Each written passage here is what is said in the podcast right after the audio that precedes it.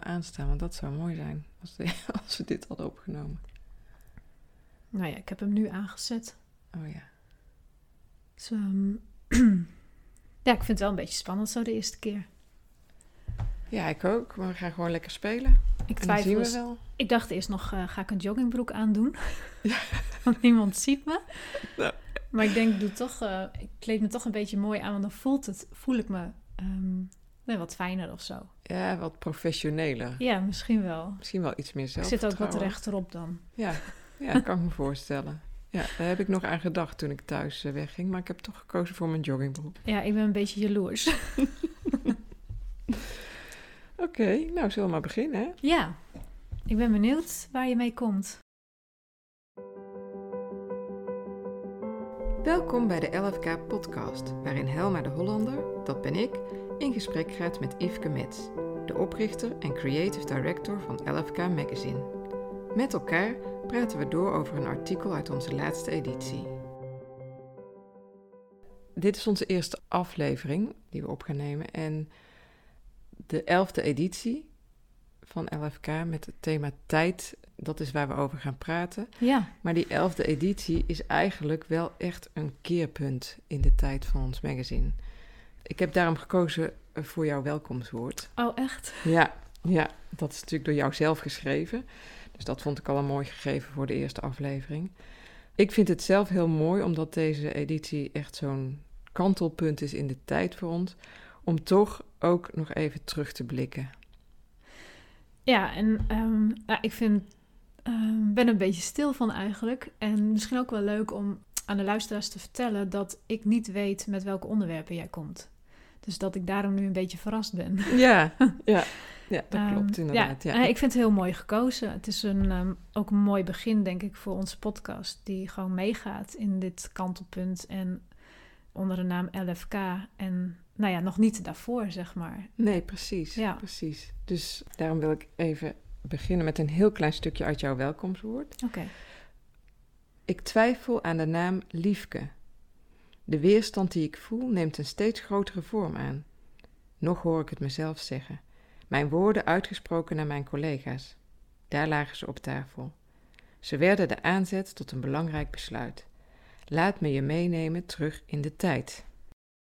dat ik als meisje al hield van magazines. Dat zou ik ook kunnen vertellen. Of eh, nou, ongeveer vijf jaar geleden dat het idee ontstond om een magazine te maken. En dat mensen vragen ook wel eens hoe kom je op dat idee? Maar het is eigenlijk niet een idee. Het is eigenlijk een samenloop van allerlei factoren. Van mijn liefde voor magazines, dat ik een meisje was. Nou ja, dat ik ziek ben geweest. Waardoor ik beelden in de standaard media heel lastig vond. En een verlangen kreeg naar een ander soort magazine.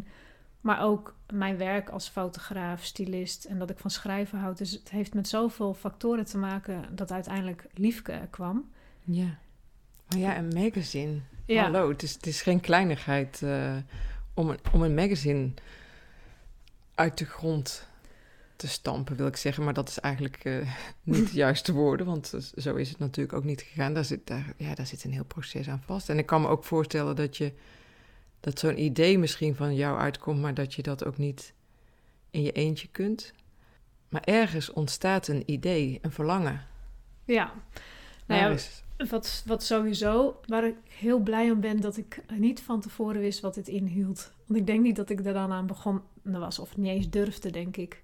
Mhm. Omdat het inmiddels, nou, we zijn behoorlijk groot geworden aan team en aan professionals. Maar het idee, de ja, oorsprong komt toch wel echt van het moment dat ik in het ziekenhuis zat. Verborgen in mijn winterjas in een warme wachtkamer. Dus eigenlijk zou die gewoon uit moeten, maar dat durfde ik niet. Mhm. En dat ik ja, door een magazine aan het bladeren was van de leestafel. En met het omslaan van elke bladzijde dat ik me steeds ongelukkig voelde. En dat heeft te maken met het contrast wat ik op de beelden zag en hoe mijn werkelijkheid eruit zag. Mhm. En dat was dat ik niet eh, in de spiegel durfde te kijken naar mezelf. Ja, want jij zegt, ik, ik, het was heel warm, ik moest eigenlijk mijn jas uitdoen, maar ik durfde het niet. Nee, ik schaamde me zo voor mijn uiterlijk dat ik niet eh, wilde dat andere mensen mij zagen. Mhm. Ja. Ja. Daar word je stil van. Ja, dat is, als ik er ook over praat. En, en vooral wat ik gewoon merk, zeg maar, is... Het raakt me ook nog steeds. Maar vooral meer voor mezelf, dat ik, dat ik zoiets heb van nu en hoe ik nu in het leven sta. Dat ik het zo verdrietig vind voor mijn versie van toen, omdat ik nu besef dat het helemaal niet nodig was. Mhm. Omdat je jezelf hebt en dat is voldoende. Het gaat niet om wat andere mensen van je vinden. Het Mhm. gaat al helemaal niet om wat je standaard voorbij ziet komen. Het gaat erom dat, dat je voor jezelf genoeg bent. En dat maakt zeg maar elke keer als ik er nu weer over praat... En of als ik er naar terugblik, dat ik dan verdriet heb om mezelf. Ja. ja, dat kan ik me voorstellen. Als je het zo, eh, als je het zo vertelt. En dan als we dan kijken naar de naam Liefke, die is dan daar ook wel op gebaseerd. Eén, mijn naam zit er natuurlijk in en het is ook wel een, een bijnaam vroeger voor mij geweest. Maar het was voor mij eh, nodig, die naam, omdat, eh, omdat ik juist zo hard voor mezelf was. En mezelf niet de moeite waard vond om mezelf te laten zien. En in de naam Liefke zat dat voor mij in eh, als een soort ja, reminder van... Yveske, je bent goed zoals je bent. Daar was Liefke ook op gebaseerd en had ik ook echt nodig. De zachte kant voor mezelf. Ja. Maar ook wat we destijds nog noemden zachte media. Mhm. Dus ja, daar is de naam Liefke op gebaseerd. Maar als je dan gaat groeien en gaat ontwikkelen, letterlijk en figuurlijk, persoonlijk gaat groeien, dan kan zo'n naam wel eens gaan wringen. En dat is wat er gebeurde. Ja? Ja. Op een gegeven moment paste de naam niet meer voor jouw gevoel? Nee, ik vond hem te zacht, eh, te, een soort verlegen. En ik denk ook wel dat dat klopt met de ontwikkeling. Dat, dat als je kijkt naar het beeld van dat ik verborgen zat in mijn winterjas... en dan langzamerhand naar buiten treden op een zachte, voorzichtige manier, stap voor stap. Ja, daar past Liefke bij. Maar waar we nu staan, dat is niet meer voorzichtig. Dat is gewoon duidelijk en stevig. En dan voelt Liefke niet stevig genoeg met wat we doen. Mhm. En dat had verandering nodig. Ja. Nou, en dat is een paar letters verschil. ja. Ja, prachtig. Want eigenlijk eh, is het een kwestie van de klinkers weglaten. Ja, dat was ja. En, en ook Ging dat zo makkelijk? Ja, voor mij was het wel heel makkelijk, omdat ik ook had eh, wat er in het verleden is gebeurd en wat er aan ten grondslag ligt. Dat hoeft niet eh, vergeten te worden of hoeft niet gewist te worden. Dus daarom wilde ik ook niet een totaal andere naam. En was de makkelijkste oplossing om een paar letters te laten vallen. Ja. Ja, Ja, eenvoudig eigenlijk, hè? ja. nou ja, dat, dat is ook waar we van houden. Altijd ook weer naar op zoek gaan naar die eenvoud. En ook dicht bij jezelf blijven. Ja. Dus liefke mag er nog zeker zijn. Dat is de basis. Ja. En eh, dat hoeft niet vergeten te worden. Nou ja, zonder liefke geen LFK. Precies, ja, Ja. inderdaad. Ja, Ja. en LFK klinkt stevig. ja, voor mij klinkt het stevig en ik vind het wat stoerder ook. Ik denk ook persoonlijk, als ik naar de buitenkant kijk, dan voelt het ook als een volwassen magazine. Dat is ook wat we zijn, dat is ook de content die we bieden. Het is gewoon mooie, eerlijke, sterke verhalen. En daar moet de omslag ook bij passen. Mhm. Ja, Ja. ja, ja, zeker. LFK Magazine.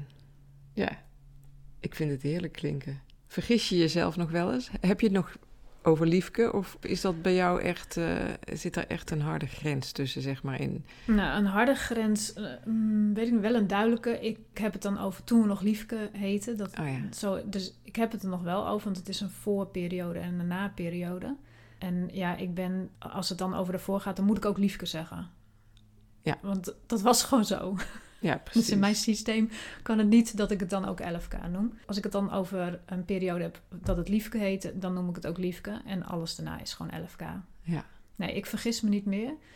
Ik weet wel dat eh, teamleden die niet dagelijks met 11k bezig zijn, die hebben iets meer tijd nodig. Ja, En dan hoor je ook, eh, ja, als we dan voor Liefke, eh 11k. ja, ja, ja, ja, ja, precies. Ja, Nou ja, ik, ik merk het zelfs bij mezelf. Ik ben natuurlijk wel elke dag met eh, LFK bezig, met het magazine. ja, En zelfs ik ja, heb het nog wel eens over Liefke.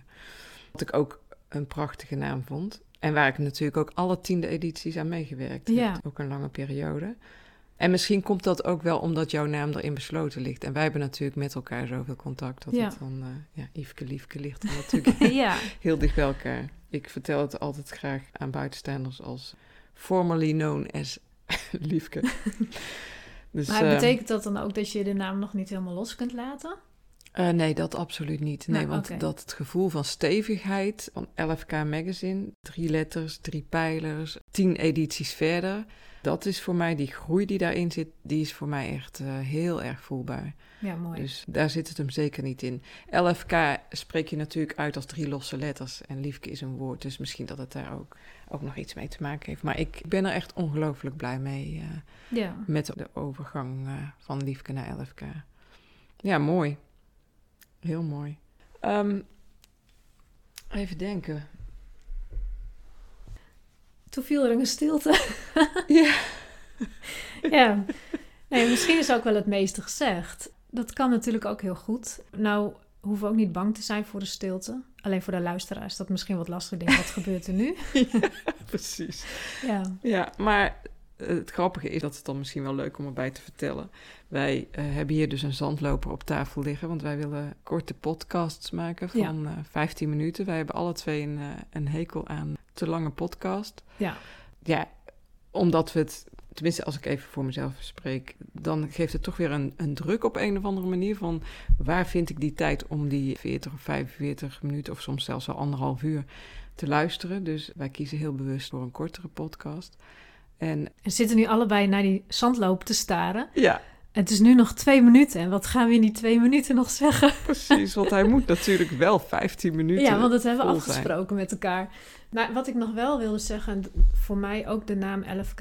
Ik heb natuurlijk zelf ook afgelopen jaren een enorme ontwikkeling doorgemaakt. Van weggedoken in een winterjas zitten tot de leider zijn van een team van elke keer 30 mensen die aan een editie meewerkt. Dus er zit natuurlijk een enorm groot verschil tussen. En daar is ben ik persoonlijk ook natuurlijk van liefke naar 11k gegroeid. En heb ik mezelf weer mogen herontdekken als iemand die ik van mezelf herken van rond mijn 18e jaar. Die gewoon heel goed weet wat ze wil en met beide benen op de grond staat. En dat maakte voor mij denk ik nog meest zeg maar het schuren dat liefke niet meer paste, omdat het bij mij persoonlijk niet meer paste. Hmm. En ik denk dat dat op een gegeven moment de doorslag was van ik kan niet verder met die naam. Ja. Want ik heb het wel regelmatig voorgelegd aan het team, ook toen we op papier gingen. Van wat vinden jullie van deze naam? En als het ja, team er dan achter staat en de urgentie niet zo hoog is, dan kun je verder. Maar als op een gegeven moment begint te wringen, persoonlijk, en je merkt dat het lastig begint te worden op het moment dat je erover mag gaan praten, omdat het niet meer past. Ja, dat was voor mij echt het besluit van ik moet dit gaan veranderen. Ja. En um, nou, gelukkig uh, heb ik mensen zoals jij om me heen die uh, daar gewoon gelijk in meegingen en dat ook heel goed begrepen. En er waren ook wel een paar die het jammer vonden, omdat ze lief gewoon een hele mooie naam vinden en wat, wat ik ook begrijp. Maar ja, wij zijn heel erg van uh, doen wat goed voelt en waar je blij van wordt. Ja. En dat toetsen we elke keer. Dus dat is in deze ook zo. Toen was de keuze snel gemaakt, uiteindelijk. Ja. En na die keuze kwam dan nog een heel proces van transformatie. Nou, Maar dat is, uh, ja, hoeven dat- we niet helemaal uit te gaan. uh, nee, dat was het licht. hele praktische stuk. Ja, Alles wat veranderd moest worden. ja, Ik vind het eigenlijk wel mooi om eh, af te sluiten met opnieuw woorden door jou zelf geschreven uit de 11e editie. oh, tof. Het is het gedicht wat op de achterzijde van ons magazine staat. En ik vind het heel passend bij wat je net eh, zelf nog eh, vertelt. En het gaat als volgt.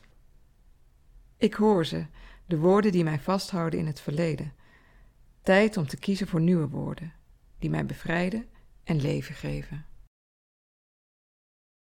Dankjewel voor het luisteren. We hopen dat je het leuk vond. Kijk voor meer informatie over ons werk op 11kmagazine.nl of op ons Instagram-account. En wil je vaker naar deze podcast luisteren? Abonneer je dan.